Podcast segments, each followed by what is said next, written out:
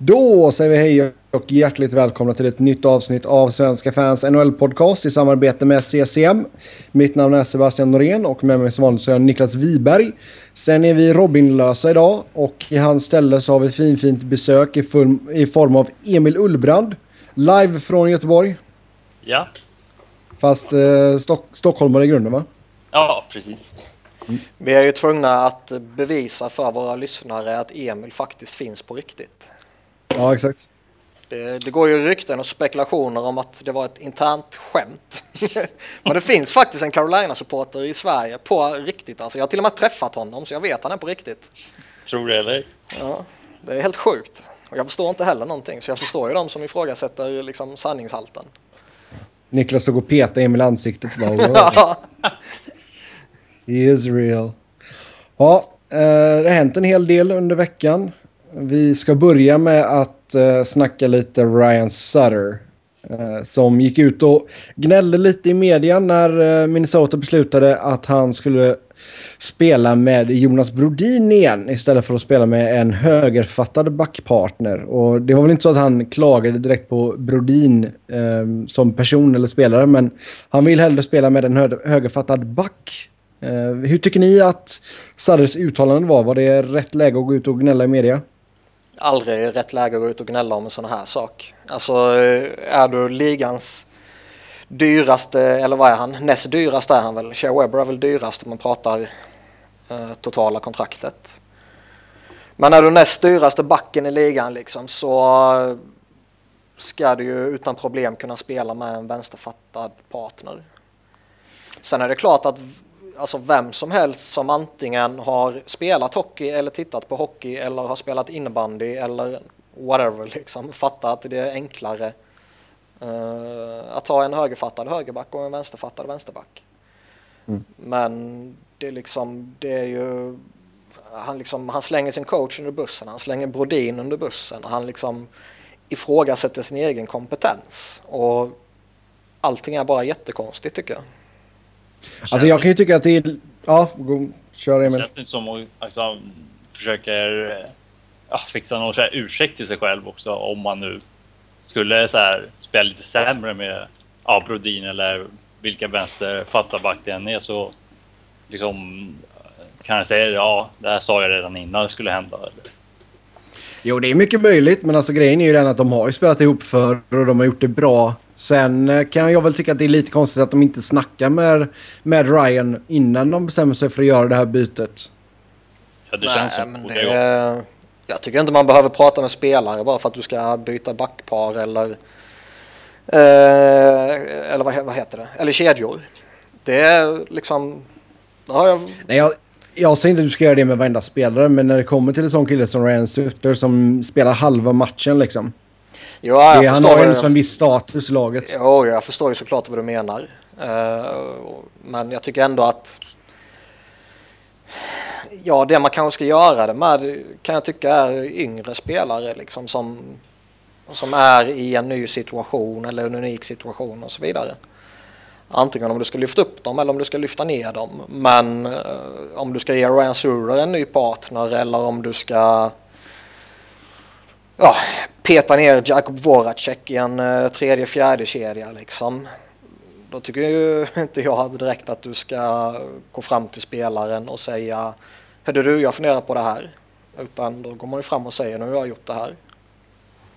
Men det känns ju väldigt klantigt att gå ut så här i media istället för att ta det internt eller vad man ska kalla det. Ja, alltså det, det, det det, det är inte någon, här nej, det är ju ingen stor grej egentligen liksom. Alltså det är ju jättemånga som får spela med ja, felfattad partner om man säger så. Uh, så det är liksom ingen, ingen skandalgrej eller någon gigantisk grej på det sättet. Och som Sebbe var inne på, han har gjort det jättemånga gånger tidigare och har gjort det jättebra då också. Så det, jag förstår det verkligen inte. Det nej, man, man undrar ju, alltså när, när det sker något sånt här som ändå är väldigt stort kring en väldigt stor spelare så undrar man ju om det är något annat som ligger och pyr i bakgrunden. Ja, det är sant. Ja, man vet alltså det kan vara, ja, han kanske inte har det bästa förhållandet med tränare och GM. Man vet inte. Nej, han kan ju ha tjatat på dem i, sedan han kom dit att jag måste spela mindre, jag måste spela mindre, jag måste spela mindre, annars kommer jag inte åka. Och vi, för vi har ju pratat jättemycket om att han spelar äckligt mycket liksom, eller äckligt mm. för mycket. Det är ju inte så att han inte klarar av det, för det gör han ju. Han är ju en av ligans bättre backar. Men eh, som jag har sagt flera gånger om och som många har sagt flera gånger om så alltså en Ryan Suder på 25 minuter kommer ju i längden vara så mycket mer värd för Wild än en Ryan Suder på 29 minuter liksom. Mm, absolut.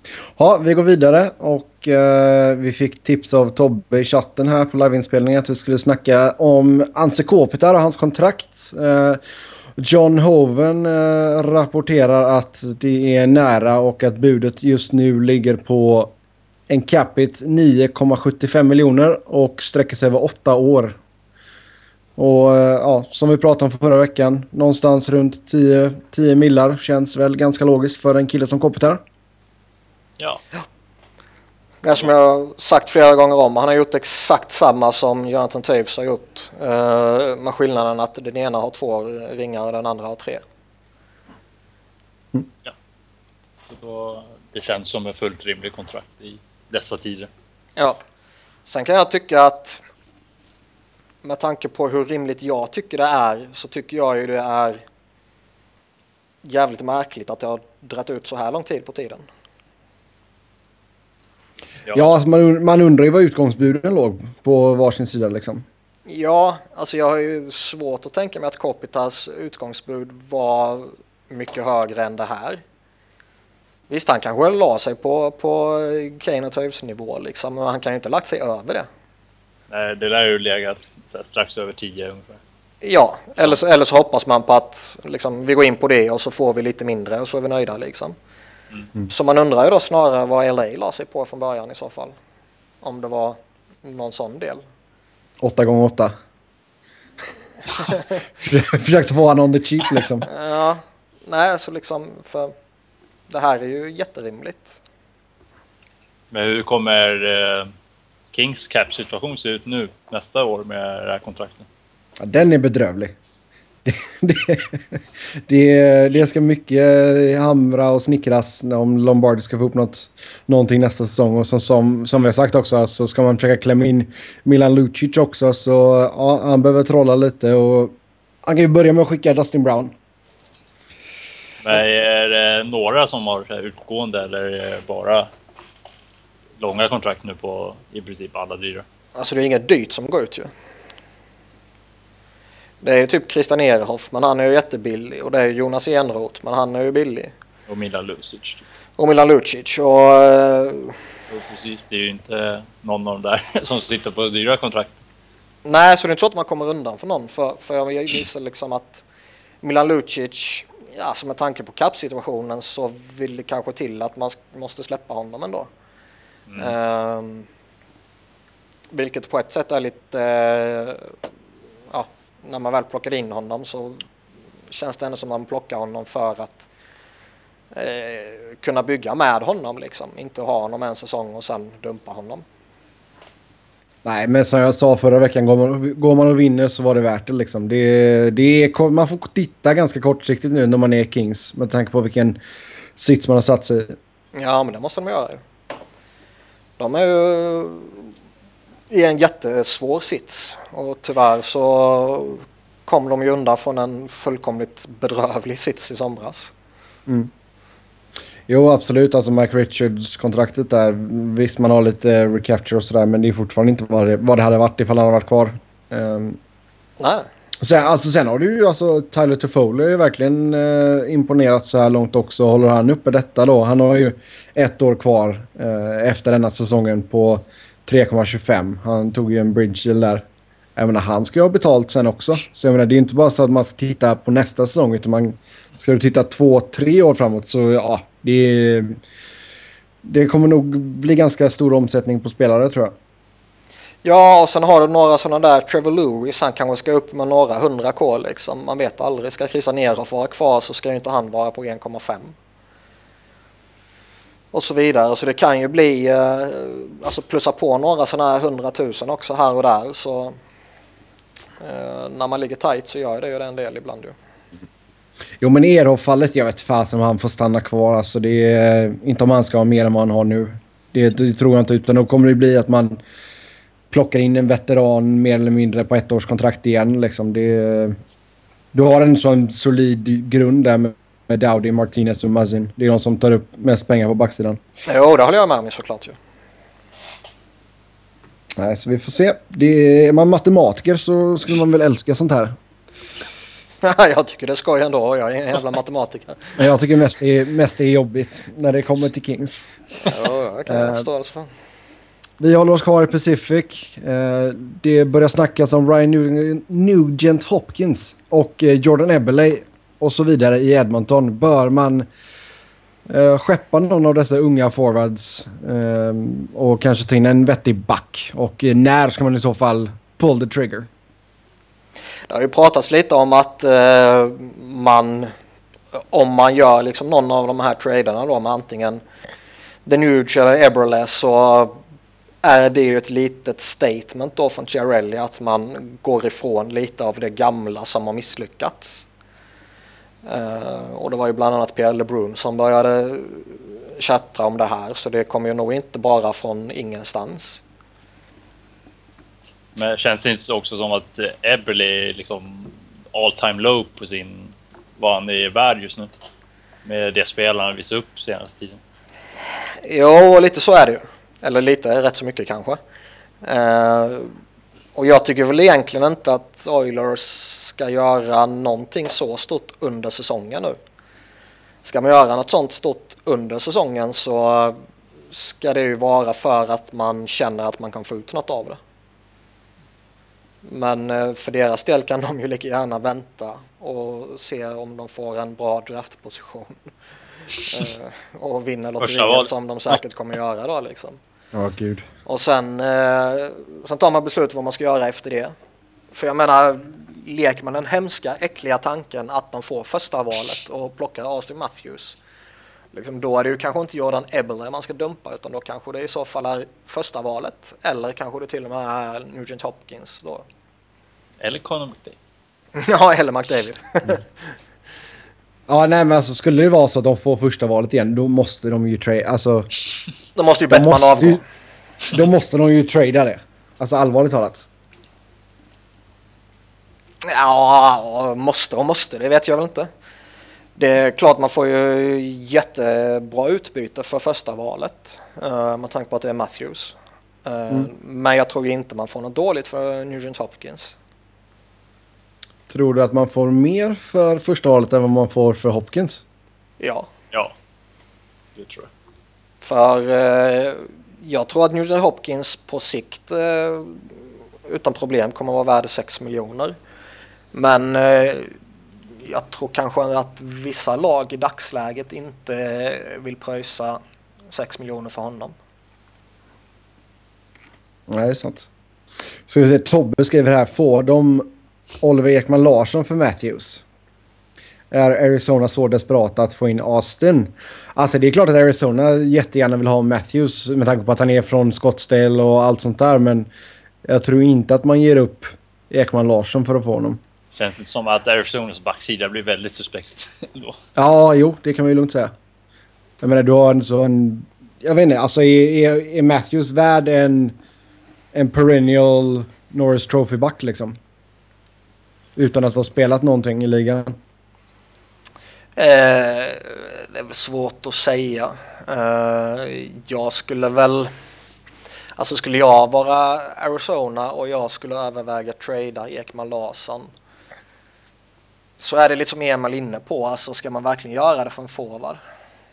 Jag menar, Arizona har ju ändå väldigt bra ställt med forwards prospect nu. Ja. Det ser ut som en Strome och Perlini, Domi, Duclair. Då har Absolut. ju ändå en core, men känns inte som det är lika stabilt på backsidan. Nej, och liksom jag menar det är ju inga problem att behålla Ekman Larsson. Han är 24 bast liksom och när, när eh, alla de här kidsen som Emil nämnde, när de är eh, liksom ännu mycket bättre och Arizona förhoppningsvis då kan börja konkurrera på allvar så kommer väl rimligtvis Ekman Larsson fortfarande vara en väldigt duktig back. Ja, precis. Mm. Ja, vi får, se, vi får se vad som händer. Uh, men som sagt, Edmonton... Alltså det är skrämmande att de har varit så här dåliga. är, men samtidigt, samtidigt, blir man ju inte förvånad längre. För vi har ju suttit här varenda år bara, ja men nu, nu kommer de vara lite bättre. Ja men de kommer bli bättre nu. Och så i år man bara, ja men man, man kommer, de kommer vara lite bättre. Och så hela tiden bara... Nej, du kan inte säga vi om dig själv. du har också sagt att de bör ta steget. Att man bör göra det, ja. Men inte att man kanske kommer göra det. Ja. Det, det är ju något allvarligt fel på den organisationen. Och nu har du ju, alltså det är givetvis så är förutsättningarna bättre nu med Chiarelli och McLellan och Nicholson och, och så vidare. Men... Eh, men det tar ju tid också. Ja, men jag tror, jag tror de kommer göra något stort, eh, men jag tror inte det blir förrän till sommaren. För jag menar, du, vänder, du vänder ju inte en sån loser-mentalitet på en femöring liksom. Nej. Nej. Mm, uh, Philadelphia. Luke Chen verkar ha eh, några intressenter efter sig. Eklund skriver Columbus, San Jose och Anaheim har alla frågat Philadelphia om herr Luke. Ja, och uh, om det stämmer att Flyers har blivit kontaktade angående honom så hoppas jag att enda anledningen till att man ännu inte har tradat väg honom är på grund av skadesituationen man har haft och har. Eh, så att man faktiskt behöver eh, rent matematiskt spelaren då liksom. De vill ha ett bidding war. Nej men liksom Luke Chen han, han är på inget sätt en stjärna och han är inte på något sätt någon som går in i en backbesättning. Alltså han går inte in i Columbus och lyfter deras backbesättning. Uh, däremot så är han ju en spelare som är lite får lite väl mycket skit. Han är ingen dålig spelare så sett. Han är bara överbetald liksom om man, om man kan säga bara inom citationstecken. Mm. Så jag tror att hamnar han i, i, ett rätt lag och han får ta en eh, en liten, eh, liten ja, tillbakadragen roll så tror jag att han kommer göra det bra. Um, men som sagt, om, om man nu väljer att behålla honom så hoppas jag ju verkligen att det är uteslutande är på grund av skadesituationen. Annars bör han ju skeppas direkt. Mm. För vi kommer ju inte ha någon möjlighet att behålla honom till sommaren. Eh, om han inte är redo att gå ner jättemycket i lön. Och det ser jag väl inte varför han skulle göra eh, liksom, bara för att stanna. Utan då går man ju hellre och, och testar free agency. Och får du inget bra bud där, ja då kan du komma tillbaka till Philadelphia billigt om du trivs i stan och med brorsan och så vidare. Han, går till, han följer Grossman och går till Arizona. ja, ja, vi får se vad som händer där med Luke Chen. Sen har vi två stycken avstängningar. Först Brennan Dubinsky i Columbus som blev avstängd en match. Han eh, crosscheckade Sidney Crosby. Den är ju lite rolig faktiskt. Uh, för att, och då menar jag inte situationen i sig, för den är ju jättefull tycker jag. Eh, men den har ju verkligen delat upp ligan i eh, två olika läger. Där ena sidan säger att eh, nej, det var jättefult, så får man givetvis inte göra och bla bla bla. Och han borde stängs av några matcher till. Medan den andra sidan då säger att nej, det här är ingenting, det sker hela tiden, det är bara för att det är Crosby som det blir en match. Jag eh, lutar väl personligen åt det första hållet. Eh, för jag tycker liksom när man smäller på i nacken på det sättet med sån kraft som han gjorde. Eh, och sen fortsätter när spelaren har ramlat till isen. Det är rätt, det är rätt smutsigt. Ja, jag tyckte det inte var speciellt vacker när man såg den. Det är liksom inget, det är liksom inget Crosby kan göra för att undvika det. Ja, jag nej, nej. har ingen aning om att den kommer. Så jag menar, det, det är ju inte något som ska vara i, i spelet. Nej, absolut inte. Sen uh, Radko Godas i Philadelphia. Han blev avstängd tre matcher för en headshot på Mika Sebanjad. Tycker jag också är, eh, eller också, jag tycker det är rimligt. Om man tittar till Eh, ja, vad de ger för andra huvudtacklingar. Då brukar det ju vara två, tre matcher och, och sådär. Och på det sättet så är det såklart rimligt. Sen säger jag som jag aldrig brukar säga när det kommer till, eh, till huvudtacklingar att vill man på allvar eh, ta tag i problemet med huvudtacklingar, för det är ju ett problem, så räcker ju inte två eller tre matcher. För här, jag tyckte det var svårt live att liksom avgöra om, eller inte om den var ful, hur ful den var. Men när man ser repriser så är det ju jättetydligt att han tar fart underifrån och trycker sig uppåt och går med, eh, med underarmen in i huvudet liksom. Mm. Eh, så jag, jag, som sagt, jag, jag, tycker inte alls det är märkligt med tre matcher här utan jag kan till och med tycka att ska man ta tag i det på allvar så ska det vara ännu mer såklart. Det som irriterar mig är ju däremot som vi har sagt flera gånger om att man slänger ut avstängningar till höger och så friar man till vänster. Och det finns liksom ingen logik i vad man gör. Den ena huvudtacklingen är okej, nästa är inte okej. Okay uh, liksom huvudtacklingar framifrån stängs av, huvudtacklingar bakifrån frias. Alltså det, det, det är ju det som irriterar mig i den här situationen. Mm. Då går vi vidare och så vi klämmer in att Elliot Friedman tweetade ut att Steve Moses är på unconditional waiver och att det spekuleras i att han ska till KHL. Ja, det, han räckte inte till. Han vann väl poängligan förra året i KHL men fick ingen plats i Nashville så. Han åker väl tillbaka till KHL om det blir jokerigt eller vad det blir. Jag, eh, jag tror det var skytteligan han vann, men det är skitsamma. Ja, skytteligan. Ja. Men eh, det är ju återigen ett, ett exempel på eh, liksom att man kan inte alltid ta KHL på allvar. Med tanke på hur många halvdana tidigare NHL-spelare som går dit och gör jättestora avtryck. Och sen vissa kommer tillbaka och så platsar de inte ens i NHL. Så det, det, är, det är väl den eh, erfarenhet, eller erfarenheten som man ja, kan ta med sig ännu en gång. Tobbe skrev mm. att eh, han ska till eh, SK. De fixade hans rättigheter förra veckan. Ja. Mm. Sen eh, All-star omröstningen är full, full rulle kan vi säga. Och eh, John Scott i Arizona leder. Eh, förra år, var det förra året vi hade hela, ett helt land som röstade på eh, Girgensons? Mm. Ja. Nu verkar det som att John Scott ska bli invald. Eh, själv har han sagt att visst det är kul men att det är, ja, det är ju ett skämt. Fast alltså idag sa han ju att uh, blir han inröstad så åker han dit. Okej, okay. ja det, det är väl tro fan att han ska åka dit om han blir inröstad. Nej, alltså jag vet fan. Han, han måste ju ha sån självinsikt att han vet hur jävla dålig han är och han vet eh, liksom fans, John Scott i tre mot tre. ja, liksom fansen röstar, jag röstar ju inte in honom för att han är en fantastisk eh, lirare. Liksom. Det måste han ju fatta. Eh, så skulle jag vara i hans situation och liksom röstas in så skulle det vara, det skulle fan vara pinsamt att åka dit ju. Han råkar få en muskelskada. Ja. Uh, nej men alltså det är visst, John Scott gör massa bra grejer utanför isen med charities och allt sånt där. Så det ska han ha jättemycket cred för. Men alltså det är ju ingen vidare hockeyspelare. Man ska inte ha cred för det, man ska ha skit om man inte gör det när man tjänar de pengarna. Om man har det glaciära livet.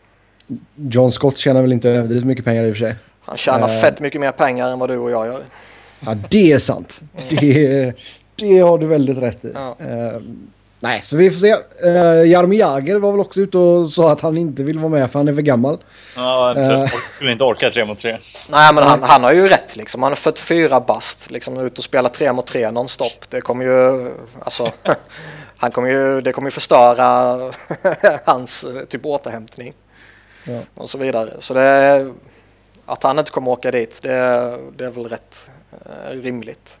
Däremot tycker jag det, det är skitskoj det här som nu när han, nu vet jag, nu har jag inte sett något idag, men igår ledde han ju liksom skott då.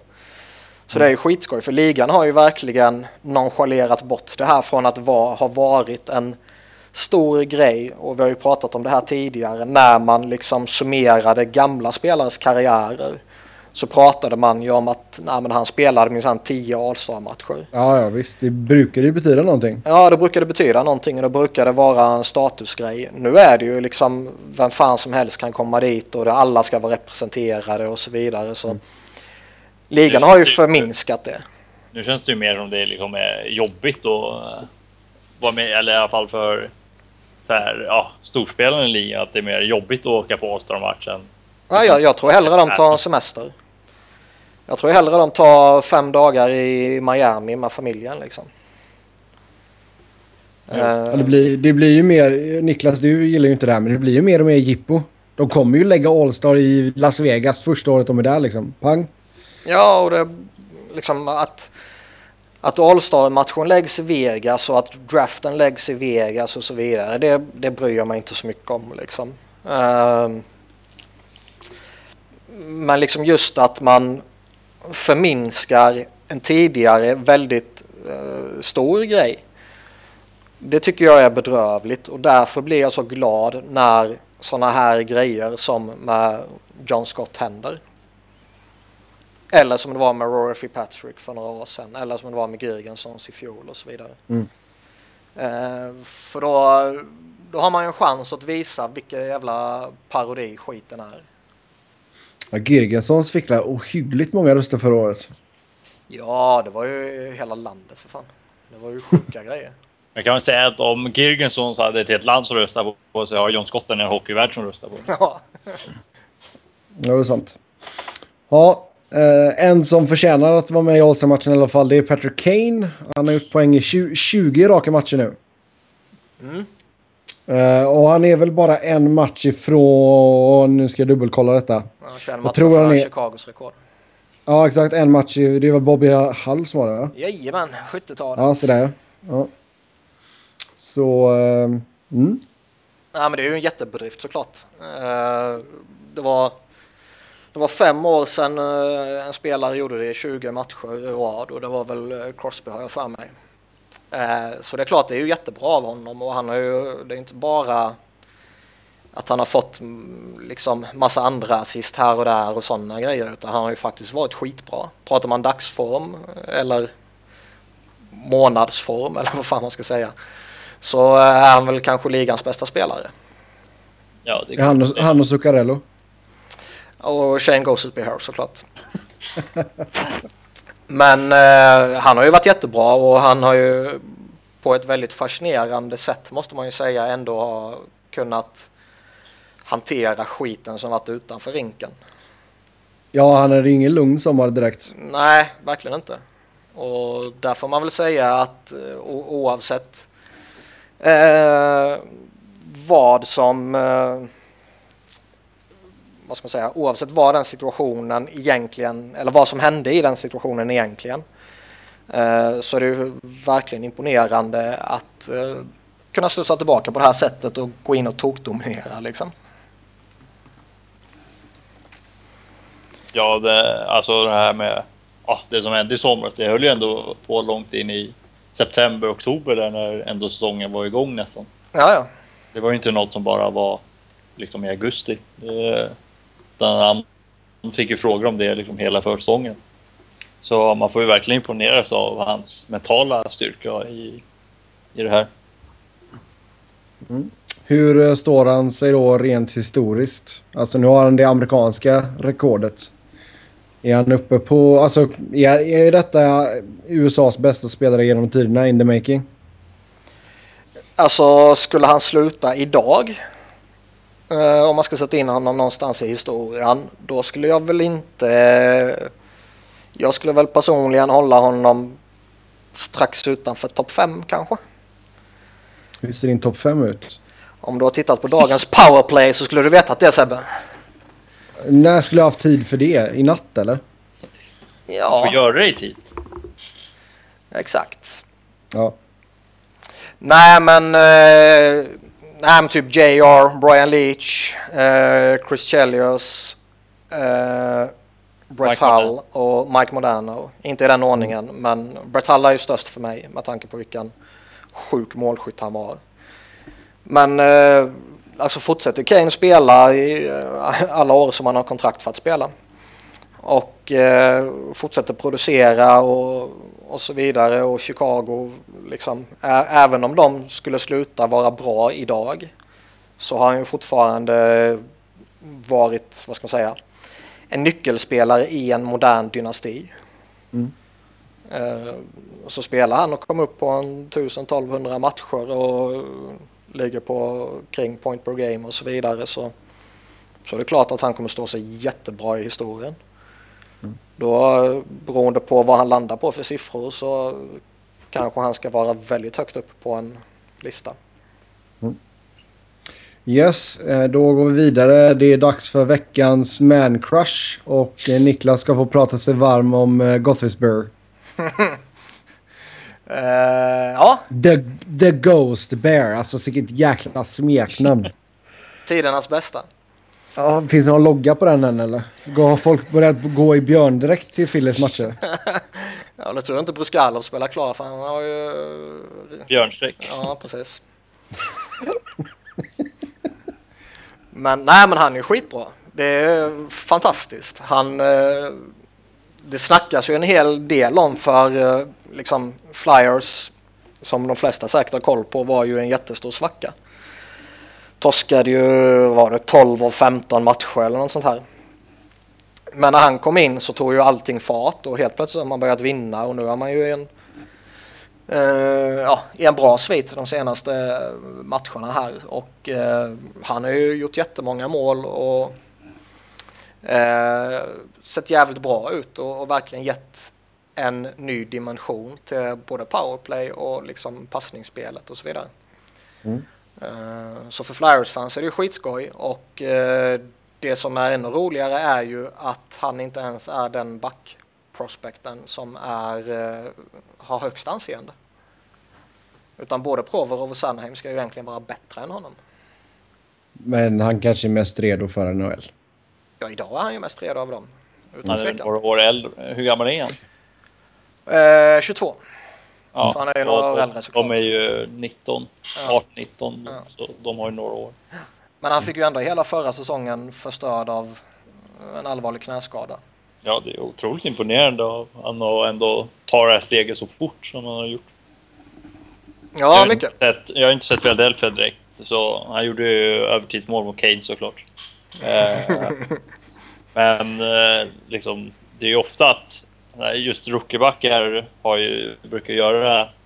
Alltså miss kommer ju väldigt ofta i början när de ska anpassa sig. Men jag kan ju inte säga så mycket hur han har sett ut. Men av det man har sett så har han ju imponerat väldigt mycket. Det är klart han gör misstag. Han går bort sig i egen zon och han... Eh, och han liksom är lite, lite väl modig i vissa situationer med pucken. Men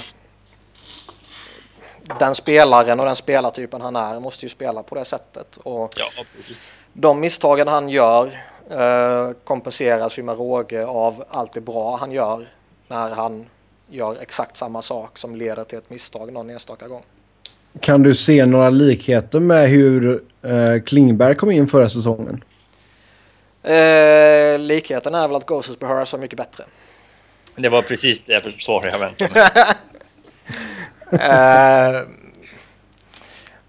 nej, men det är alltså grejen att det är ju, har han spelat nio matcher tror jag. Eh, det är ju givetvis alldeles för tidigt för att liksom slå fast något i sten. Han, kan ju, han kanske är bra i två matcher till och sen är han värdelös i 25 matcher. Det är som Emil är inne på, så kan det ju vara Ja. med unga spelare. Försvann du lite där för mig? Ja, för mig med. Jaha, nu har jag väl skitväxtnät igen. Mm. Men eh, nej, men det är klart, unga spelare går ju upp och ner. Eh, Ja, det är klart. Inte, det är inte mer man kan förvänta sig. Nej, och framförallt unga backar. Eh, jag tror jag vet varför Robin inte är med oss idag. Eh, vi följer ju alla hans matblogg såklart. Senaste kortet, som var upp, senaste kortet som var upplagt här 40 minuter sedan. Då ser vi alltså två cheeseburgare, en pommes, en dricka, en McFlurry och en paj. Så han har nog gått och fått den här hjärtattacken nu. Så ja, rest in peace Robin. Vi går vidare och, och Carey Price. Eh, först var det snack om att han skulle vara borta en vecka men nu blir det minst sex veckor. Eh, Mark Bergevin säger att man är nöjda med Mike Condon och Dustin, Dustin, Dustin tänkte jag säga. Dustin Tokarski. Eh, men eh, alltså hur stort tålamod kan man ha här egentligen? Alltså de har ju byggt sig en buffert så de har ju råd med en dålig period utan att liksom, man börjar rasa. Eh, däremot så visar det sig över en period på kanske 7, 8, 9, 10 matcher och sådär att det börjar gå riktigt illa. Då tror jag väl inte att man vågar vänta så jättemycket längre beroende på vad som händer då med Carey Price. Uh, helt plötsligt så kanske han är tillbaka då när det börjar gå sämre eller så får han ett bakslag. Mm. Uh, för de, har ju, de har ju sagt olika saker tidigare som har visat sig vara felaktiga. Just kring hans skada då. Ja, alltså vi tror inte ens på att det blir sex veckor. Nej, det, nej, det är inte det jag menar. Men jag menar, det kan ju lika gärna bli nio veckor. Jo, absolut.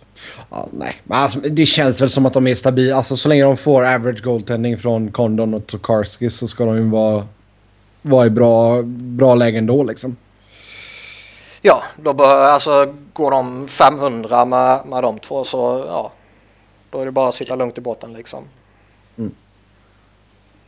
Mm. Sen eh, lite skador då. Kevin Klein borta två till tre veckor med en magmuskelskada. Det är gött att eh, Dan Girardi nu får den större rollen som han så stort förtjänar. Han och Mark Stahl. Ja. Mm. Sen Brandon Sutter i Vancouver. Fyra till sex veckor med ett så kallat sports hernia. Niklas, vad är, vad är en sports hernia? Eh, brock typ tror jag. Mm. Stämmer. Känns det som att Vancouver har en väldigt så här tunn eh, centersida just nu med de har ju både eh, och eh, McCann nu som andra och tredje center. Mm. Han var ju han var ute banding och pratade eller var det eh, coachen? Ja, skitsamma. Någon av dem var ute och pratade lite om att nej, men vi är nöjda med de här. Vi kommer inte eh, jaga någon trade. Och det är ju lätt att säga nu, men frågan är vad de säger om fem sex matcher. Sen gick väl också Virtanen sönder nu också. Kom det väl något idag att han var week for week. Jaha, det har jag missat. Jag tyckte att Benning hade sagt något om det. Ah. Det var någon skada. Så det är lite tuffa skador där i Vancouver. Liksom. Mm. Men de uh, har ju börjat trilla ner lite nu också. Uh, mm. De var ju, de toppade ju fan Pacific en perioderna. Så nu, nu är de väl tillbaka ja, där de ska vara så att säga. Och, ja, lite längre ner. Ja, och utanför slutspelsplatserna liksom. Och nu när de får lite skador då också så är det ju inte jätteomöjligt att Anaheim bör ju klättra så småningom. Uh, alltså klättra rejält menar jag. Mm. De ligger alltså efter Arizona med en poäng med två matcher mer spelare. Ja. Det är inte bra. det är fascinerande. uh, sen uh, Viktor Arvidsson satt in en riktigt ful crosscheck i halsen på Karli Koljakovo. Och uh, Koljakovo, ska vi se, en dented trachea. Ja, det är typ luftstrupen som... Uh... Det låter riktigt smärtsamt. Ja. Eh, jag är väl rätt så övertygad om att Arvidsson inte gick in i den här situationen och tänkte nu ska jag döda Kola. uh, eller gick in med tankarna liksom att medvetet liksom crosschecka honom i halsen. Eller i halsen, över halsen. Uh, det, det, känns rätt givet. Däremot så är den så pass ful att jag är väldigt förvånad över att man inte gjorde något åt det. Mm. Jag har sagt det förr och liksom det fulaste och fegaste man kan göra det är att använda klubban som tillhygge.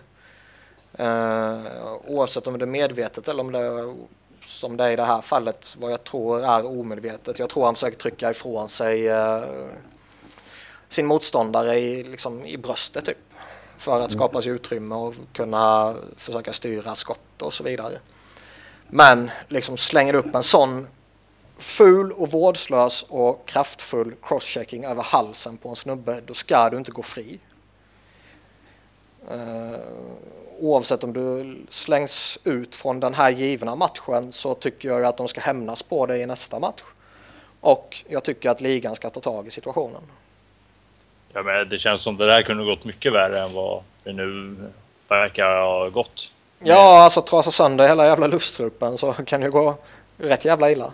Sen att kola är gjord av glas, det är också en sak Ja, det får man väl ta med i beräkningarna givetvis. Men eh, nej, jag tycker den är, den är så ful och så feg och jag förstår verkligen inte varför man inte tar tag i den.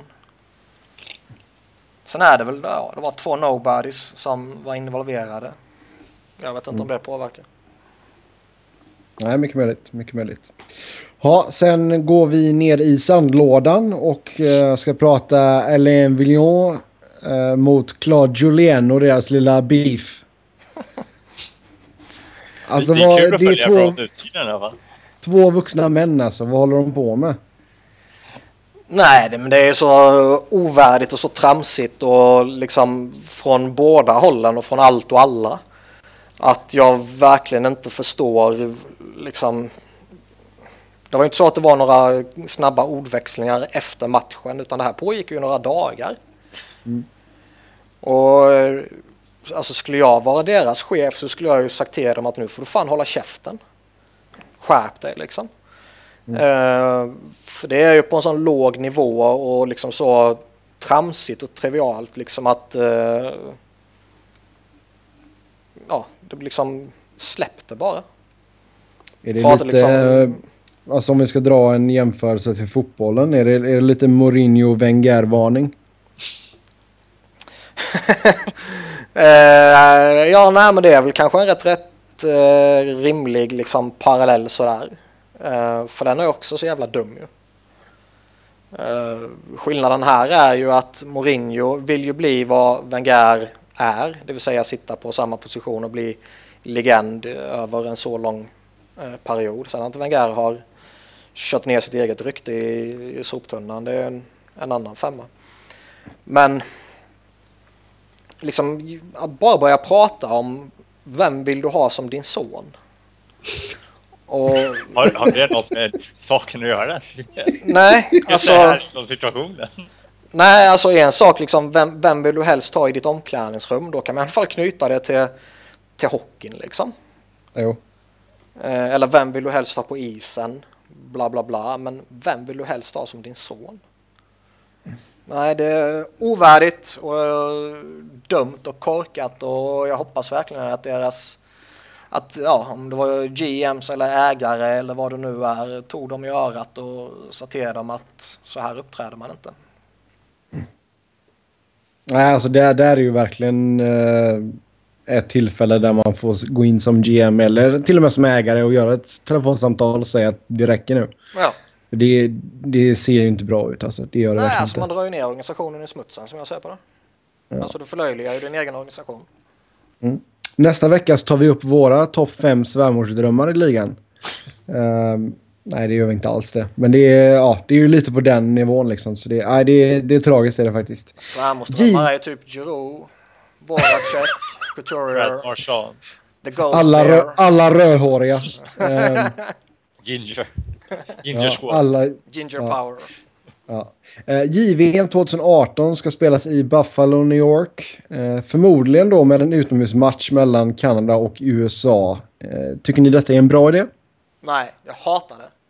Nej, Varför? För att jag tycker utomhusmatcher är ploj och någonting jag kan leva med om det är typ en engångsföreteelse under en säsong. Alltså vi säger under en grundserie som typ Winter Classic är. Jag skulle kunna leva med en sån match för att det är ploj och man tjänar stora pengar och så vidare. Men att slänga in det i liksom en turnering eller slutspel och så vidare. Då, liksom, då har man ju lagt det sportsliga helt åt sidan. Då är det helt ointressant i den här matchen. Kör helt för arrangörerna då liksom. Ja, det är ju rimligare. men, men liksom... Jag kan ha förståelse för det eftersom det genererar så ofantligt mycket pengar. Uh, men jag tycker verkligen att det är liksom... Man trummar på det sportsliga för det kommersiella på ett sånt jättestort sätt som jag inte tycker är okej. Och jag bara fasar inför den dagen som vi har en, en slutspelsmatch i NHL på en utomhusrink.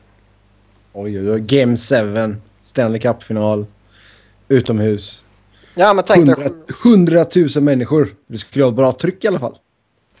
det är ju inte bra tryck för de sitter så långt borta så man hör dem ju inte. Fan, jag kan inte förstå att det är kul att gå på en match. Av det man liksom kan se. Man måste sitta med kikare eller något sånt. Kan Ja, man se det, alltså, därifrån? alltså grejen är att det är fan svårt att se på TV. Tänk dig då om du sitter på den här eh, arenan i Michigan som jag inte kommer ihåg vad den heter som tar 100 000 liksom. Och du sitter typ högst upp i kanten. Ser man Ja. någonting? Du ser ju inte ens med kikare. Jag vill säga att den kallas den för matchen också. försök. Kommer ihåg vad den arenan heter. Det är väl typ The Big House eller någonting. Ja. Ja, ja nej, som sagt. Det, jag kan hålla med dig om att det är lite konstigt att lägga en sån match i en turnering.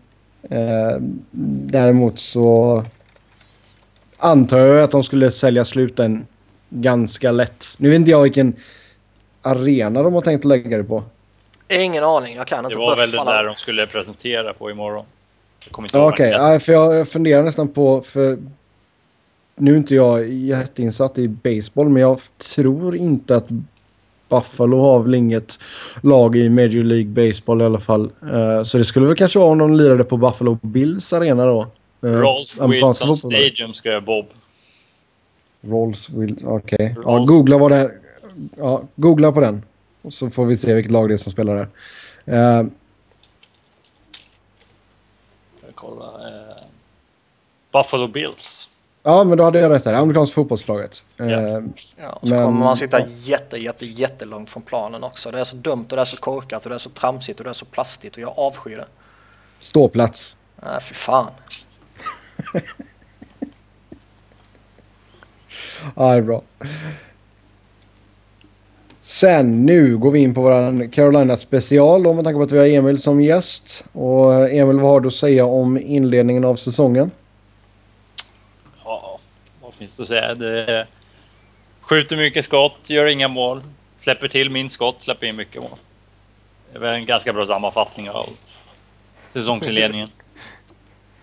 Nej, men alltså. Ser man bara spelmässigt så har han faktiskt i många matcher spelat väldigt bra. Det såg man ju där i ja, en av de första matcherna mot Detroit när de eh, vad heter det, ja, vann skotten överlägset men torskar. De, de har tyvärr inga som kan göra mål i princip. Den som... Eh, Det handlar inte om skotten, det handlar om klara målchanser. ja, jo, precis. Nej, men de eh, spelar ju faktiskt eh, ofta bra sådär, men att Justin Folk eh, delar ledning i interna skytteligan är ju ett svaghetstecken tyvärr oavsett hur bra Justin Folk är. Mm. Så, och Ja, sen absolut. de, sen har de haft bedrövligt målvaktsspel. Minst sagt. Det läcker! Åh gud, Ty- stäng tyvärr. av. Stäng av. Det, det, det hade jag mer förväntat mig kom från Sebbe med så här Göteborgshumor. Men Ja, Han är eh, för dålig för Göteborgshumor alltså. Fy fan. ja, tyvärr är Eh, ju nej, men alltså, det är- målvakten som läcker mest. Mm. Nej, Ja, alltså Cam Ward, han sitter ju på dyra pengar och sådär, men tror du att man kommer behålla honom? men nej. Nej. nej. Jag hoppas för alla, ja, för allting i världen att man inte gör det. Han, eh, det, ja, jag hoppas både man släpper eh, både Cam Ward och Eric Stahl. Eric Mm. Stahl borde man ju kunna få något för vid trade deadline i alla fall. Något här första val kanske plus någon prospect. Cam Ward förväntar jag mig inte någonting i utbyte. Nej, ge bort honom kanske. Nej, men vi kan, vi kan väl ha, ta upp den pucken där med Eric Stahl. Um, alltså det är ju en så en ansiktet utåt för, för franchisen och allting, men eh, Vi har ju pratat lite om det i tidigare program att det kanske är, är bättre att trade honom nu än att signa upp honom på ett något, nytt långkontrakt. Ja, alltså det... Cam Ward och eh, Eric Stahl är liksom de två som är kvar nu efter eh, från Stanley Cup-segern 2006. Och JR körde ju ja, Jim Rutherford, eh, Keynes för detta GM. Han eh, kör, satsar ju på de två som ja, de som ska vara liksom kåren i laget. Men det har ju inte eh, allt fungerat som du har tänkt. Det har blivit ett slutspel sen Stanley Cup-segern och eh, det är liksom nu börjar det bli dags att liksom ge de här eh, nya unga spelarna chansen att liksom ta nästa steg istället för att behålla de två. Mm. Niklas skrivit upp att Stan Fischler kommer det briljanta förslaget Evgeni Malkin mot Erik Ståhl eh, rätt upp. Done ja, jag skulle nog säga ja till det. Ja. Herregud. Men jag, jag, jag, tror faktiskt inte ens JR är så dum att han gör den traden. Men alltså, du, jag och Emil pratade lite om den på, ja, eh, chattade lite om den har jag för mig vi gjorde. Uh, och grejen är att det här är ju knappt ens en trade som man får igenom på liksom tv-spelen. Nej. Precis, det är liksom, alltså det är så långt ifrån en genomförbar trade det går nästan. Ja, liksom även om Keynes eh, kryddar och allt det där liksom så ja. vad, vad fan skulle Penguins liksom dumpa Malkin för Eric Stahl för? Ja, ett halvår med Eric Stahl liksom. Ja, och sen kanske man då leker ja, med tanke på att de får en, en förlängning, liksom en, en sign and trade liksom. Men... Ja, men eh, Eric Stahl är liksom inte... Alltså jag skulle nog inte ens ranka bland de 50 bästa i ligan just med att Malkin liksom en av topp 5. Ja. Och det är liksom... Eric Stahl är ju 31 på väg ner och... Det är liksom så mycket bakåt strävande det går om man skulle nu göra en sån trade. Ja. Det känns som att det bara är en lat koppling till liksom, ja, ja där sitter Rutherford, då vill väl han ha stål. Och så ja, ska de skaka om lite och liksom bla bla bla. de måste göra sig av med Malkin, någon av Malkin och Crosby och allt det där som de som du brukar köta och så. Ja, precis. Men jag, jag, kan inte säga att jag har lagt så mycket tid på det riktigt. Det var mest en rolig grej att se. Ja, ha, eh, du snackade om att målvaktsspelet inte hade varit så jättebra. Är det några andra spelare som du tycker har underpresterat? Jordan Stahl kan vi väl nämna. Det som ja, jag och Niklas har skrivit lite om det där. Han är fortfarande en av dem. Liksom, han är elitforward rent defensivt sett och spelar mycket penalkill och tar te viktiga tekningar. Men den där offensiva produktionen som han trodde han skulle få nu när han kom från eh, Penguins. Men inte riktigt. Ah, det har inte synts till där. Det har funnits glimtar av det, men aldrig riktigt så fullt ut. Han gjorde ju trots allt 50 poäng i sista säsongen i Pittsburgh, men ja, eh, ah, det saknas någonting där för han ska vara värd det kontraktet som han sitter på. Mm. Uh, vad finns det mer? Uh, Någon som har gjort det bra då? Nej. ja, eh, Justin Falk eh, har vi inte överpresterat. Man, vi visste ju, eller man visste att han var så här bra redan förra året, men nu har han kanske tagit ännu ett steg. Och han är Kanes eh, bästa poängplockare. Eh, har gjort åtta mål på 24 matcher, alla i powerplay. Eh, spelar liksom 25 minuter per match och han är ju liksom. Jag blir inte förvånad om Eric Stahl lämnar och han blir ny lagkapten. Det jag kan verkligen säga att han är där spelare och bygga laget runt. Eh, sen även Viktor Rask har gjort en otroligt bra säsong. Eh, oerhört nyttig tvåvägscenter. Eh, gör både mål och assist, kan spela i alla, alla situationer och tar tekningar. Och hans utveckling har faktiskt gått otroligt bra. Det var liksom innan förra året som han inte ens hade en plats i Keynes medan han nu är spela i första kedjan. Mm. Yes.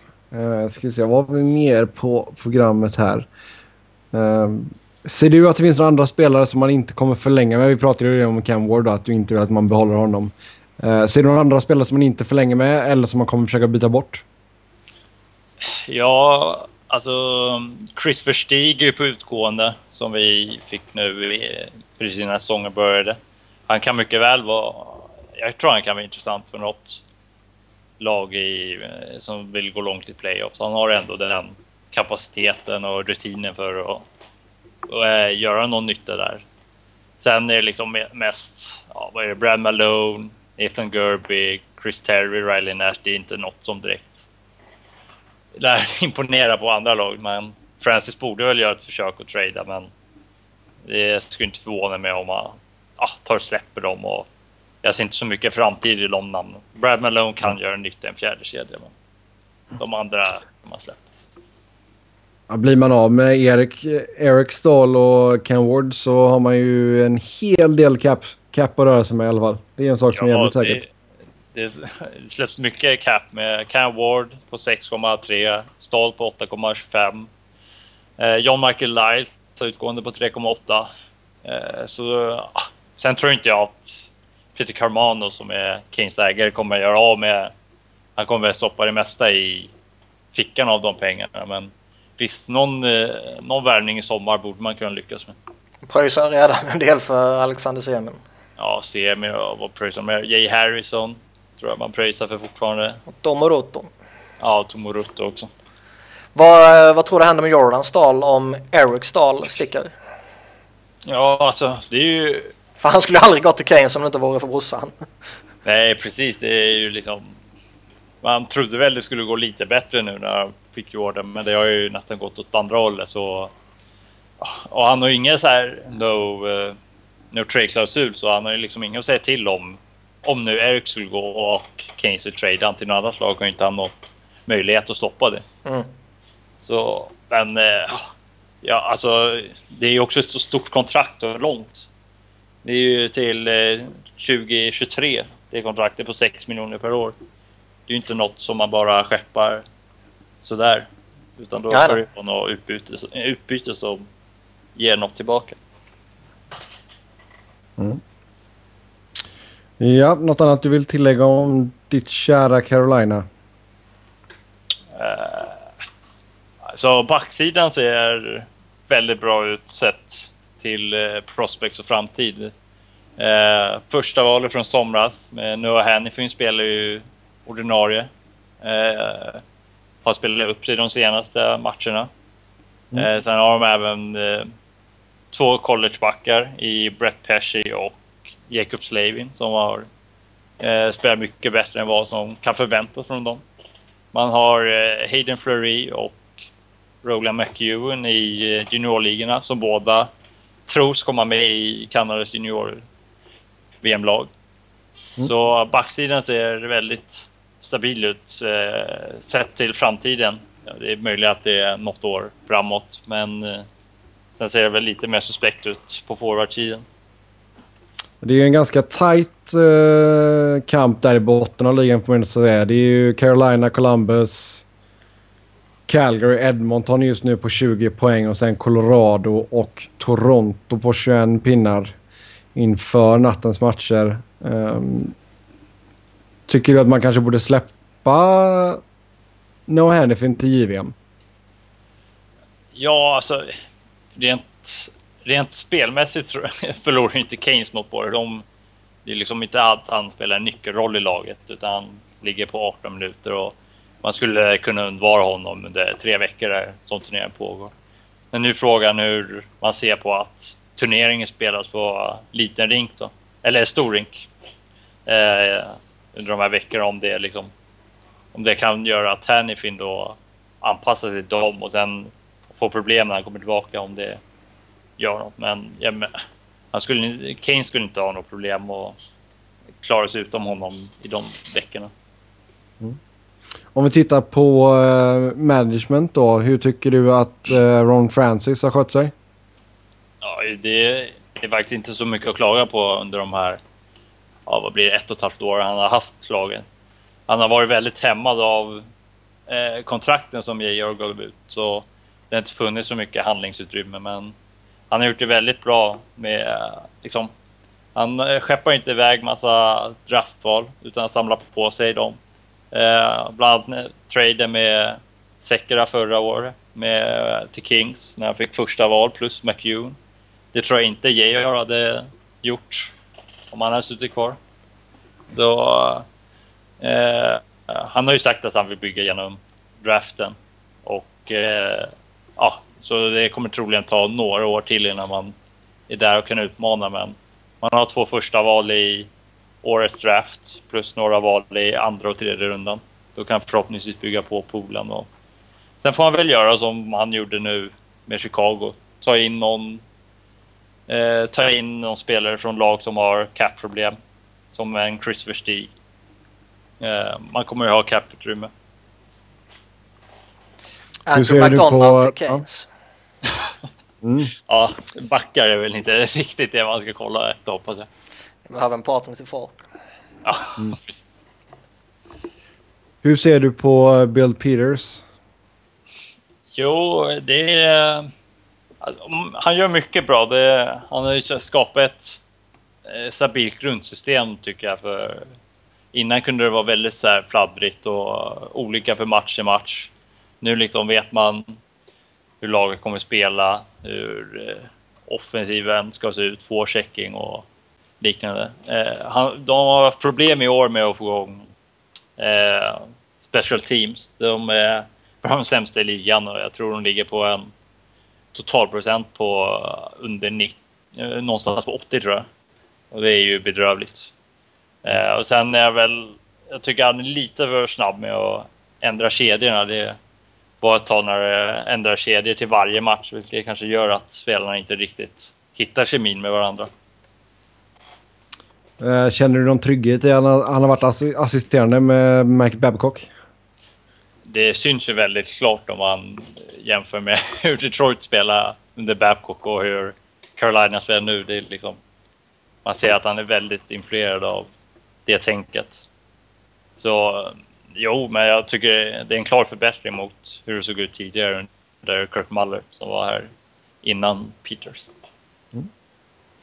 Ja, då eh, går vi in på våra lyssnarfrågor och som vanligt så tackar vi för alla frågor som vi har fått in. Det kommer in en stid, stid, vad heter det? stadig ström av frågor, så det, det uppskattar vi. Niklas har tagit ut några guldkorn här och eh, först ska vi snacka om de matcherna som vi har sett i veckan. Eh, Niklas, vad har du tittat på förutom Philadelphia? Jag har tittat på några matcher som jag tyckte var fantastiskt underhållande. Jag hade bland annat LA Chicago där Kane satte sitt rekord då ju. Och där LA vann i förlängning. Gabriel var det va? Mm, stämmer bra. Smättade upp den där. Um, vad ska man säga? De här tungviktsmötena i Western är ju alltid oerhört roliga tycker jag. Uh, och även om det går lite tyngre för det ena eller det andra laget av de här stora lagen så blir det alltid bra matcher. Uh, alltså man pratar Dallas och LA, Chicago, uh, Blues typ. Minnesota till viss del, Anaheim och så vidare. Alltså när de lagen drabbar samman på något sätt så brukar det bli roligt. Och uh, liksom Kane när han är på humör är ju jävligt rolig att titta på. Mm. Sen såg jag New York-derbyt också, Rangers Islanders, som ju... Eh, ja, det finns ju bra potential för eh, en riktig rivalitet där. Och liksom ingen, mm. Vi har ju pratat om rivaliteterna i ligan lite så här, ingen plastig rivalitet utan en riktig rivalitet. Och eh, de matcherna börjar lite så smått bli riktigt sköna. Eh, bra hockey, intensivt. Eh, de börjar, vad det känns som, tycka illa om varandra och så vidare. Och, eh, nu vill jag ju såklart att båda två ska missa slutspel. Men eh, en slutspelserie mellan Islanders och Rangers vore nog fantastiskt skoj. Mm, Emil, vad har du tittat på? Uh, ja, jag mest kollat på Keynes. Jag har ju haft lite annat uh, de andra kvällarna när det varit lite plugg tyvärr. Ja, jag tänkte uh, säga, du ska ju fan plugga för tentor. Du har inte tid att kolla på hockey. Man får göra sig tid. ja, rätt. Nej, det, det, och tyvärr är det ju sorgliga matcher man kollar på med Keynes då. Med 1-4 mot Buffalo borta och sen 3-4 mot Rangers borta. Det var inga höjda matcher. Att de skulle förlora mot Rangers var inget förvånande. Det var väl, jag tror det var Rangers 18 vinst de senaste 19 matcherna mot Kane. Så. Det är nog säkrast oddset som finns att, är eller att Rangers ska vinna mot Kings. Mm. Själv så blev det ju även som Niklas sa där. Eh, Kings mot Blackhawks. En bra match tycker jag. Det är som du säger Niklas, när de här tungviktarna går upp mot varandra så... Eh, jag ser gärna de här två i en Western Conference-final framåt våren. Sen såg jag även en bedrövlig match som Kings spelade mot Vancouver. När man till slut lyckades vinna i OT där också. Um, kalasmisstag av Edler som ledde till uh, Kings mål där. Ja, jag vet inte vad det var för jävla passning jag slog. Ah, så bedrövligt verkligen. Men, Men uh, det var ju bara att tacka och ta emot där för Jeff Carter och uh, Anse Kopitar. Ja, det var en vacker passning. Ja, det var ju helt okej okay så sett. Men alltså det är den passen som Edler lägger där alltså. Herrejävlar. Ja, det, det var hjärnsläpp. Ja. Sen har det självklart blivit lite Arizona också. Um, när de slog Ottawa och sen när de gick på pumpen mot Nashville. Um, sen har det blivit en jäkla massa highlights. Jag har haft ganska mycket på jobbet här nu. Um, så det blir väl mest att man kollar hela matcher från Kings och Arizona och sen så studsar man lite fram och tillbaka med de andra matcherna och sen tittar highlights i efter, efterhand. Ja. Uh, lite, lite ledsen att jag inte fick se hela matchen mellan Rangers och Islanders. Um, jag det blev väl, blev väl typ 10 minuter jag fick se den matchen. Jag kikade lite på, jag kikade faktiskt av någon jävla anledning på två Sharks-matcher denna veckan också. Del, dels när de körde över Calgary, där Calgary var, ja, de var inte bra. och dels när Pittsburgh körde över Sharks och Pittsburgh var bra på många sätt. Um, så det är alltid lite tråkigt att se Pittsburgh vara bra. Alltså jag, det var ju lite synd att jag inte tittade på Winnipeg Toronto. Den skulle jag nog knappt ens få för mig att titta på med tanke på att eh, det var Toronto som ett av lagen. Jo, men efter alltså Sparks går in, håller nollan i första matchen och sen så bara faller det, rätt pladask på ansiktet. alltså det här var ju egentligen hans riktiga debut. Debuten mot Edmonton borde ju inte räknas. Nej, det är ju som eh, Malkins eh, Spinorama-mål. Alltså, fan det är mot Edmonton, det är mot Mark Fane. Fan, jag, jag kan göra likadant. Tänk ja. vad intressant det vore om man såg en poängliga där man tog bort alla poäng mot Edmonton. Den riktiga poängligan. ja, eller hur? ja. Ska vi se, vad har vi mer på schemat här? Vem och vilka är så kallade experter på hockey? Vilka förutsättningar ska man ha för att få vara inom quote då, expert? Eh, vilket ord ska väga tyngst? Journalister, för detta spelare eller pålästa fans? Handlar det om tolkningsföreträde och vilken rätt har jag eh, som inte spelat hockey på hög nivå att idiotförklara till exempel experter? En lång fråga. Man har väl... Alltså den är så svår för uh, man kan ju peka på väldigt kompetent folk i alla de här kategorierna han nämner och man kan peka på uh, otroliga idioter i alla de här kategorierna han nämner. Mm. Uh, så man kan ju inte å ena sidan säga att liksom, alla före detta spelare är jättebra. Typ Mike Milbury. ja, exakt, eller Kalle Johansson. eller Anders Hedberg. Um, men det finns ju vissa före detta spelare som är jättebra. Uh, jag är rätt förtjust i Brian Boucher till exempel, den gamla målvakten. Mm. Som, uh, han kör ju en del, uh, han sitter i studion så att säga då på Philadelphia-matcher ibland. Och uh, han är, jag kan ju inte alla de här amerikanska bolagen men är det på NBC han är eller är det eh, NHL Network, jag vet inte riktigt. Men han, han är ju på något annat ställe också och han är faktiskt rätt vettig. Många eh. målvakter tycker jag som har gått och blivit så kallade ja, experter. Var inte, inte Martin Biron också expert? Jo, Biron och Kev, Kevin Weeks och Ja. Nej, så jag menar liksom... McLean också. De har Ja. många tacklingar mot huvudet. Nej, det är väl det. Jag menar, sen finns det ju alltså fans som är oerhört duktiga och det finns fans som eh, man inte kan ta på så, så stort allvar. Eh, på samma sätt som det finns journalister som är jätteduktiga och det finns journalister som man inte överhuvudtaget kan ta på allvar. Eh, allting grundar sig väl i hur mycket, i alla fall som jag ser det, hur mycket man tittar och hur mycket man läser och hur noga man följer och hur insatt man är. Liksom. Om du sen är en utbildad journalist eller du är en hobbyjournalist eller du är en före detta spelare eller före detta coach som har sadlat om till något annat eller bara en eh, vanlig random supporter så liksom ja, det spelar mindre roll för mig. Mm. Jag lyssnar ju hellre på en på en vanlig supporter som jag vet är väldigt insatt och följer jättemycket än vad jag lyssnar på en journalist eller en före detta spelare som jag vet inte alls följer ligan till exempel. Jo, men det är väl lite där problemet... Ja.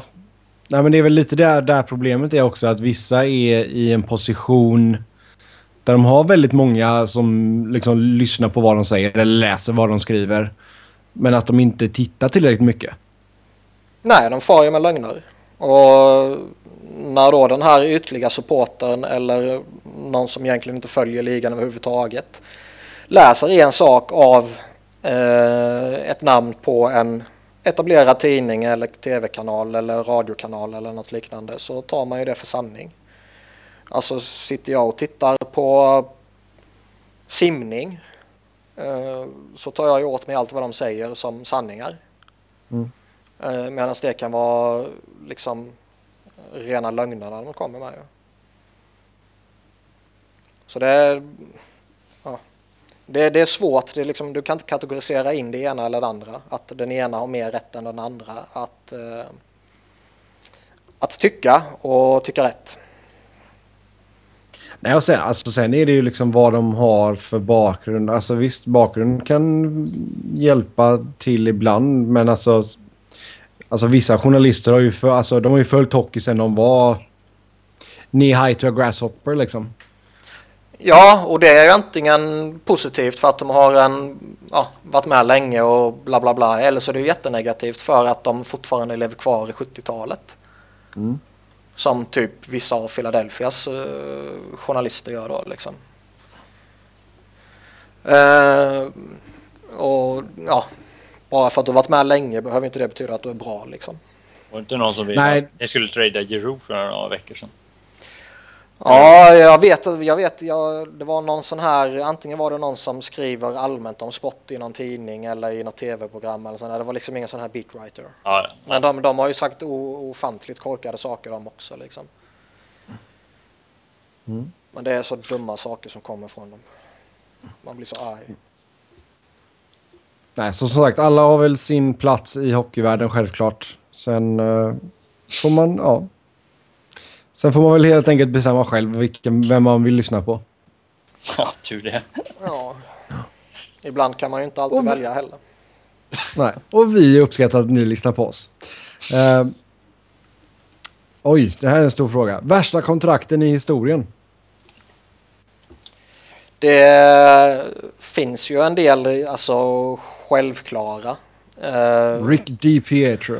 Rick DiPietro, hans 15-årskontrakt är ju givet. Jag tycker kontraktet som Vinnie Cavalier fick i Tampa Bay var ju liksom galet. Uh, Yashin kanske? Alex Ja, ja, Yashin ska Yashin nog tycker jag är jättebra. Eh, liksom 10 år på, 8,75. ja precis. Och han blir utköpt efter, vad var det, fem eller sex år något sånt här. Och liksom det här kappstraffet försvann ju först i För- somras tror jag det var. Mm.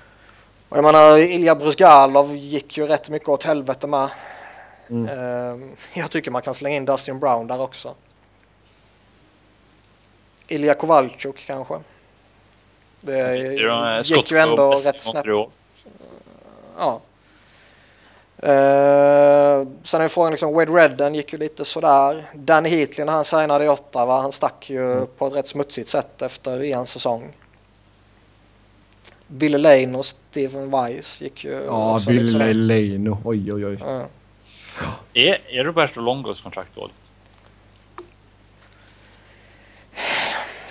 Jag vet inte. Det är svårt att förhålla sig till. Å ena sidan så är det ju dåligt, å andra sidan så är det ju inte katastrof ja, på något liksom, sätt. Han är ju inte dålig målvakt där. Och han, det är ju frågan liksom hur det ser ut där sista åren. Men, alltså, han är ju på något sätt värd ändå kanske cap-hitten som han har.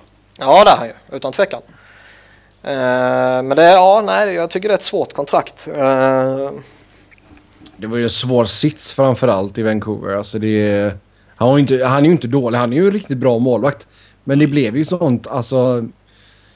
Det var ju nästan lynchstämning uppe i Vancouver. Ja, men de är ju galna också. Mm. Ja, jag såg faktiskt lite, jag kollade på 30 for 30, de ESPN-dokumentärerna. Jag kollade om på den som handlade om 17 juni 1994. Uh, då visade de lite bilder från uh, efter New York Rangers vann kuppen där när det var uh, Riot uppe i Vancouver. den har jag inte sett faktiskt. Ja, den, den kan jag rekommendera. Ja. Ja, men som sagt, det var ju sen samma när de torskade med Bruins. De är ju mm. dumma i huvudet här uppe. Mm. Ha, nästa fråga då. Eh, vilka spelare hatar man men vill ha i sitt eget lag? Eh, jag skulle gärna plocka in Henrik Lundqvist i Philadelphia. eh, är inte nöjd med Mason? Ja, jo, jag håller han jättehögt, men uh, Henke Lundqvist är en bättre målvakt. Uh, Ryan McDonough skulle jag gärna plocka in. Evgeni Malkin skulle vara en okej okay andra center bakom Giroud. Crosby? Nej. det är för mycket. Okej, okay, nu, nu vet inte jag ifall det var det här frågan riktigt var. Utan jag tror mer att det är sådana spelare som är lite av en pest. Som man... Typ Cal Klattepa. Vi får tolka frågan hur vi vill. Typ en Brad Marchand eller någonting. Ja, nej för helvete. Fan vill man inte ens ha i sitt eget lag. nej, det är klart man inte vill. Det är usch, herregud. Nej, men det är klart man kan ju antingen kan man vrida det på det sättet eller på, på ditt sätt liksom. Mm. Uh, Tycker jag, du kör mitt sätt? Ja, jag gick ju på mitt sätt av en anledning. men uh, sådana skitspelare och sådana idioter vill jag ju inte ha i mitt lag. Zack Rinaldo typ. Ja. Jag är ju överlycklig att blivit av med den idioten. Då vill man ju inte ha in en annan. uh, så jag, val, jag valde den här. Du valde bara att ta, ta bra spelare som du avskyr. Ja, jag, jag, jag tolkade frågan på det sättet. Ja. Mm. Ja, vi släpper den. uh, vilken tränare ligger pyrt till? Vem ligger närmast att få lämna sitt lag? Alltså är det någon som verkligen ligger dåligt till? Är, är det fortfarande typ Budrow eh, som ligger sämst till? Jag tror han kan ligga rätt illa till om det fortsätter gå lite sådär halvknackigt. Om de, eh, alltså om de inte börjar klättra upp på riktigt snart så eh, tror jag att något kan hända faktiskt. Jo men det är alltså, Anaheim är väl ett av få, alltså som vi förutspådde var skulle vara topplag som har gått dåligt liksom. Ja. Men, men alltså liksom... Alltså dåligt, dåligt på riktigt. För jag menar, ja. visst, Pittsburgh ligger fyra i Metropolitan men de är sju pinnar bakom Rangers som leder liksom. Mm. Ja. Nej, men jag, jag, har, jag har väl två namn. Den ena är Boudreau och den andra är väl som du var inne på med Mike Johnston i Pittsburgh. Ja. Som eh, det känns väl som att de har ju inte alltid spelat jättebra och de ligger och harvar lite där på de sista slutspelsplatserna och kommer man i en formsvacka som sträcker sig över eh, 7, 8, 9, 10 matchers period så kan man ju till och med trilla ner utanför eh, slutspelsplatserna och tuggas ju lite om att Crosby och Lemieux inte är bästa vänner och vi ser ju jättetydliga tendenser på att Crosby inte alls eh, går bra under Mike Johnston utan snarare tvärtom liksom rent produktionsmässigt då. Det är Lemieux fel. ja. Eh, så jag menar, börjar det hända lite dåliga saker i Penguins då tror jag mycket väl han kan ligga illa till. Mm. Vi nämner Bruce Boudreau där och vi hoppar över till Ducks. Och vem ligger närmast till för en trade slash har bäst trade value i Anaheim för att lösa deras lilla slump här och, så att de ska komma igång på riktigt. Och eh, det var en part två till den här också. Hur tycker ni att Ducks bör lösa tredje länken i första kedjan? Eh, om man tar den första delen så om man ska göra någonting och göra någonting stort då så att säga så tror jag ju att det i så fall är eh, någon back som man kanske offrar. Och då menar jag inte Kevin Bjäxa. Nej. Det är tveksamt om han får något speciellt utbyte. ja, utan då är det väl kanske en eh, Cam Fowler eller Sami Vatanen eller eh, Hampus Lindholm. Ja, det känns som någon som måste... Ja. Om man vill ha något liksom, som ska gå in i typ topp 6. Då måste man ju skicka något sånt. Ja, för liksom det är ju bara att titta. Ja, Corey Perry och Ryan Getzlaff händer ju ingenting med. Ryan Kessler är det ju ingen som kommer ta in. Nej. Eh, Carl Hagelin är det ju åt helvete för tidigt att ge upp honom. Silverberg. Silverberg, liksom, du tradar inte honom när han är i, liksom, när han är i form så han ett jättehögt värde och nu har han ju halvdant värde. Mm. Annars har man ju inga forwards liksom, som har det där jättevärdet. Liksom en Rickard Rakel, ja, han kommer ju inte ge någon dunder och brakutbyte direkt. Det är ju liksom om man i så fall vill skeppa någon av de prospectsen man har. I typ Shay Theodore eller Nick Rich eller något sånt. Men det är ju tveksamt man vill liksom. Nej, det skulle inte jag heller göra för det man kommer ju behöva de här spelarna på de lite billigare kontrakten så småningom. Eh, när det blir några dyra kontrakt och sådär. Eh, har vi glömt att ta upp att John Gibson har förlängt? Jag har inte ens sett det. Nej, det var väl länge sedan. Var det det? Ja, det har jag Det har inte jag tänkt, det har inte jag tänkt på, jag ska vara helt ärlig. Jo, vi har eh, pratat om det. Ja, någon målvakt som man kan skicka. Typ Andersen. Om man känner sig redo att satsa på Gibson. Men det är ju inte något man gör under säsongen. Nej, Det är ju något man gör under sommaren i så fall. ja. Mm. Kutobin kommer ju inte ge någonting. Så det är ju Gibson eller Andersen man skickar i så fall. Mm. Tredje länken där då i första kedjan. Tim Jackman. ja, eller hur? Nej, alltså...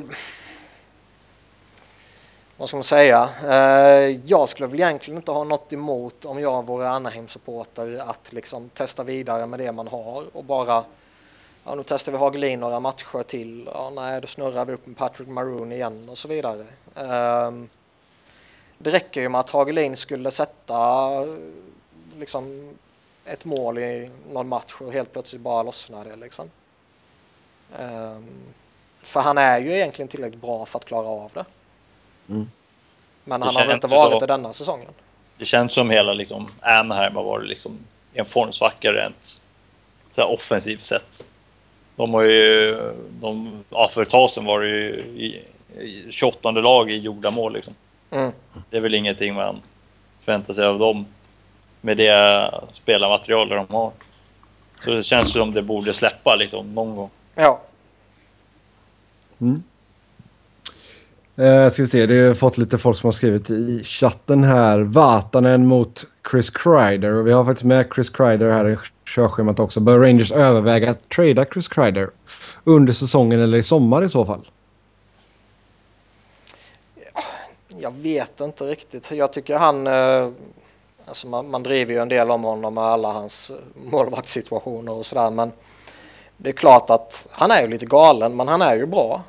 Eh, och lyckas man hålla honom till att vara en 20-målsskytt och eh, eh 45-50 poäng liksom, då har man ju en bra spelare i honom. Sen är det klart att ur eh, om man ser på kapp och allt sånt där och han ska upp på ett jättedyrt kontrakt så kan det väl kanske vara svårt att få ihop allting. Mm. Beroende på vad man vill göra med alla andra spelare. Eh, Kevin Hayes till exempel kan jag ju tycka ska bli rätt mycket dyrare än sina 900. Ja, ja absolut. Ja, och vad vill man göra med Keith Yandel till exempel och så vidare. Mm. Eh, jag är ju rätt så övertygad om att sätter man Crider på marknaden så kommer ju jättemånga lag höra av sig. Eh, Ja, det borde det verkligen göra. Ja, för han är ju som, som sagt han är en, en attraktiv spelartyp och han är bara 24 bast. Yes, eh, då ska vi se. Jag hoppade över ett par frågor här. Bästa bottom six forwards. Jake Voracek. Ja, bra. Då har vi tagit den.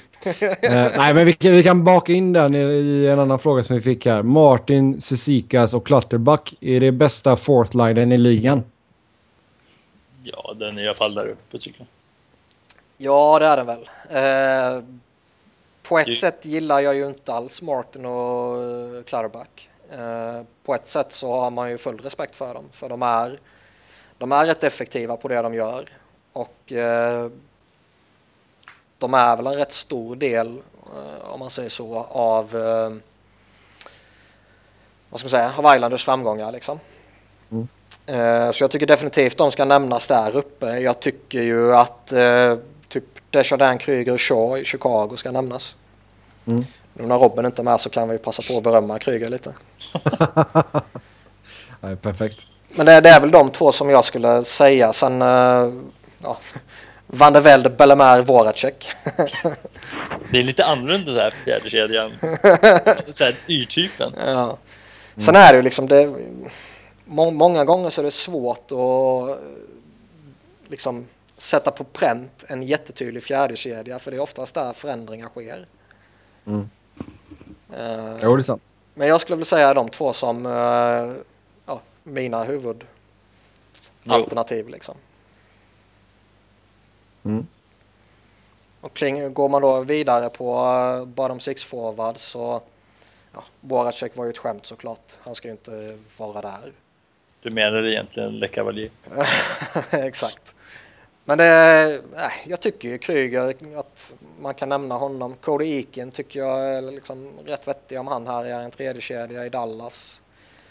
Så finns det ju både Frans Nielsen och Kevin Hayes som beroende lite på hur man ser på det och beroende på hur laget formeras faktiskt är bottom six-spelare eller kan vara bottom six-spelare. Mm. Och båda de två är jag väldigt förtjust i. Den kan man ju ta in typ Jordan Stahl också. Ja. Ja, Mm. Nej, alltså det, är- det är ju svårt. Alltså det ändras ju runt så jäkla mycket. Men jag menar... Jag hade inte Detroit Nyqvist i en tredje kedja till exempel. jo, Ja, och Kane spelar med Jeff Skinner i en tredje kedja. Ja. Ja.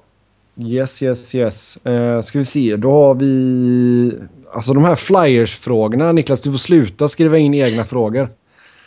Eh, hur, hur ser Flyers cap-situation ut när Mark Strite kommer tillbaka? Kan man ha kvar Gosses, Goth, alltså, Ghost Bear? Kan man ha kvar Ghost jävla spökbjörnen? Hur löser man det annars? Alltså hans jävla efternamn. Skickar ner han i AHL nu när han kommer tillbaka. nej, han, nej han kommer inte skickas ner. Det kan jag inte tänka mig. Han har varit alldeles för bra för det. Ja, alltså Eh. tänk, tänk Niklas eh, utbrott när, när han skickas ner. Alltså det beror ju på. Skulle han skickas ner idag skulle jag ju blivit skogstokig. Men säg att han är skitdålig i två veckor nu och sen skickas ner. Ja, då kanske det är rätt beslut liksom. Eh, men tittar man rent krasst på deras lönesituation om, eh, om alla är friska. För nu har vi ju till exempel eh, RG Amber har varit på injured reserve och samma med Ryan White och, och liksom Mark Strait då. Så om alla är friska så är ju kappsituationen så pass tight att eh, man alltså ja, då kanske Ghost skulle behövas skickas ner. Ehm, för han kan ju, ja, man riskerar inte att tappa honom liksom. Ska du skicka ner typ Brandon Manning så måste han genom waivers och det var väl en av anledningarna till att man inte typ skickade ner honom då i början på säsongen kanske. Eh, just asset management utan då skickar man ner Andrew McDonald istället för ja, det var ingen som skulle, nej, det är ingen som skulle plocka honom liksom. Nej men det är, vi ser ju det med lite spelare. Jag menar, det är ju därför Jordan Will fortfarande är uppe med Kings. Han får inte spela någonting men de kan inte skicka honom. Mm. Han måste gå igenom waivers så då kommer någon att ta honom liksom. Sen, Så, sen är jag helt övertygad om att eh, hamnar Flyers i en situation där eh, man är så tajt mot kappen att man eventuellt kommer tvingas skicka ner The Ghost Bear och eh, man inte vill göra det så kommer man ju lösa det på ett annat sätt med en trade liksom. Mm. Och det är därför Ja. då kan man koppla tillbaka till typ Luke Chen tidigare. Det var det jag menar liksom att Mm. eh, det är ju en av anledningarna då till exempel. Yes. Ja, sista frågan här då för veckan. Eh, Ska vi se. Intressant om ni komponerar varsin favoritfemma fritt från hela ligan. Eh, inklusive målvakt. Ja, eh, perspektiv, funktionalitet glömde du säga. Ja. Det ska alltså vara Nej, en skit. eh, som funkar också. Ja, men den, den här, lyssna på den här femman alltså. Ja, jag kan säga redan nu att den kommer vara dålig. I mål, Henrik Lundqvist. Sen backparet. Oliver Ekman Larsson, Drew Dowdy. Ante Kopitar som center. Och sen Ovechkin och Patrick Kane. Tada! Nej, det är för mycket eh, liksom flair och Sicken, sådär. sicken kedja. Vadå för mycket flair? Både Ol- Oliver och Drew kan ta det defensiva jobbet. Nej, Kopitar är en av ligans bästa tvåvägscentrar och sen har du två målspottare i Ovechkin och Kane. Oj, oj, oj. det funkar inte. Det är för mycket show. Nej, nej, nej. Det skulle vara fyrverkeri varenda match. Snitta fem, fem mål, kedjan, varenda match. Och sex insläppta. Ja. Nej, jag hade nog kört uh, Carey Price i mål. Uh, Drew Doughty och eh, Ryan Suder på backar. Taves som center. Jamie Benn vänsterforward. Tarasenko i forward. Eh, jag har slängt in Henk Lundqvist i kassan för att jag tycker han är den bästa målvakten. Eh, jag har Drew Dowdy som den ena backen och jag har Duncan Keith som den andra. Jag har Jamie Benn, Claude Giroux och Vladimir Tarasenko. Mm. Och de här sex skulle ju sopa banan med era. Det blir lite svårt när vi har samma spelare. Ja men då får jag första tjingel. Drew Doughty och Henrik Lundqvist spelar mot sig själva. Jajamän, jajamän. Ja, men Drew Doughty var med på allas. Det, det kan vi ju uppskatta. Ja, Dags, han är, dags, är ju... det är dags för honom att vinna Norris Trophy nu. Jag har ju liksom det, den bästa spelaren i världen i Taves. Ja, eller hur? Ja, jag, blir lite, jag blir lite arg på dig för att du tog ut honom faktiskt.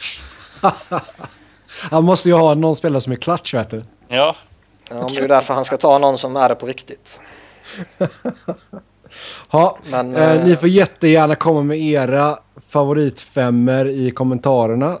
Och eh, fortsätt skicka in frågor. Det är alltid kul när vi får era frågor. Som vanligt så kan ni köta med hockey med oss via Twitter. Mig hittar ni på @sebnoren. Niklas hittar ni på Niklas Wiberg, Niklas C och enkel-V. Emil, vad är ditt Twitter-handle?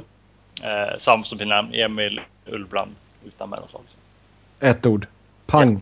Ullbrand med två L. Ja. Annars blir det Ullbrand. Ja, det är sant. Eh, vi, vi tackar Emil för att han ville vara med oss. ja, det var jätteroligt att vara med. Nu vet folk att du finns på riktigt. Eh, Niklas, vi hörs igen nästa vecka. Tack till alla som lyssnar. Ha det gött. Hej. Nej.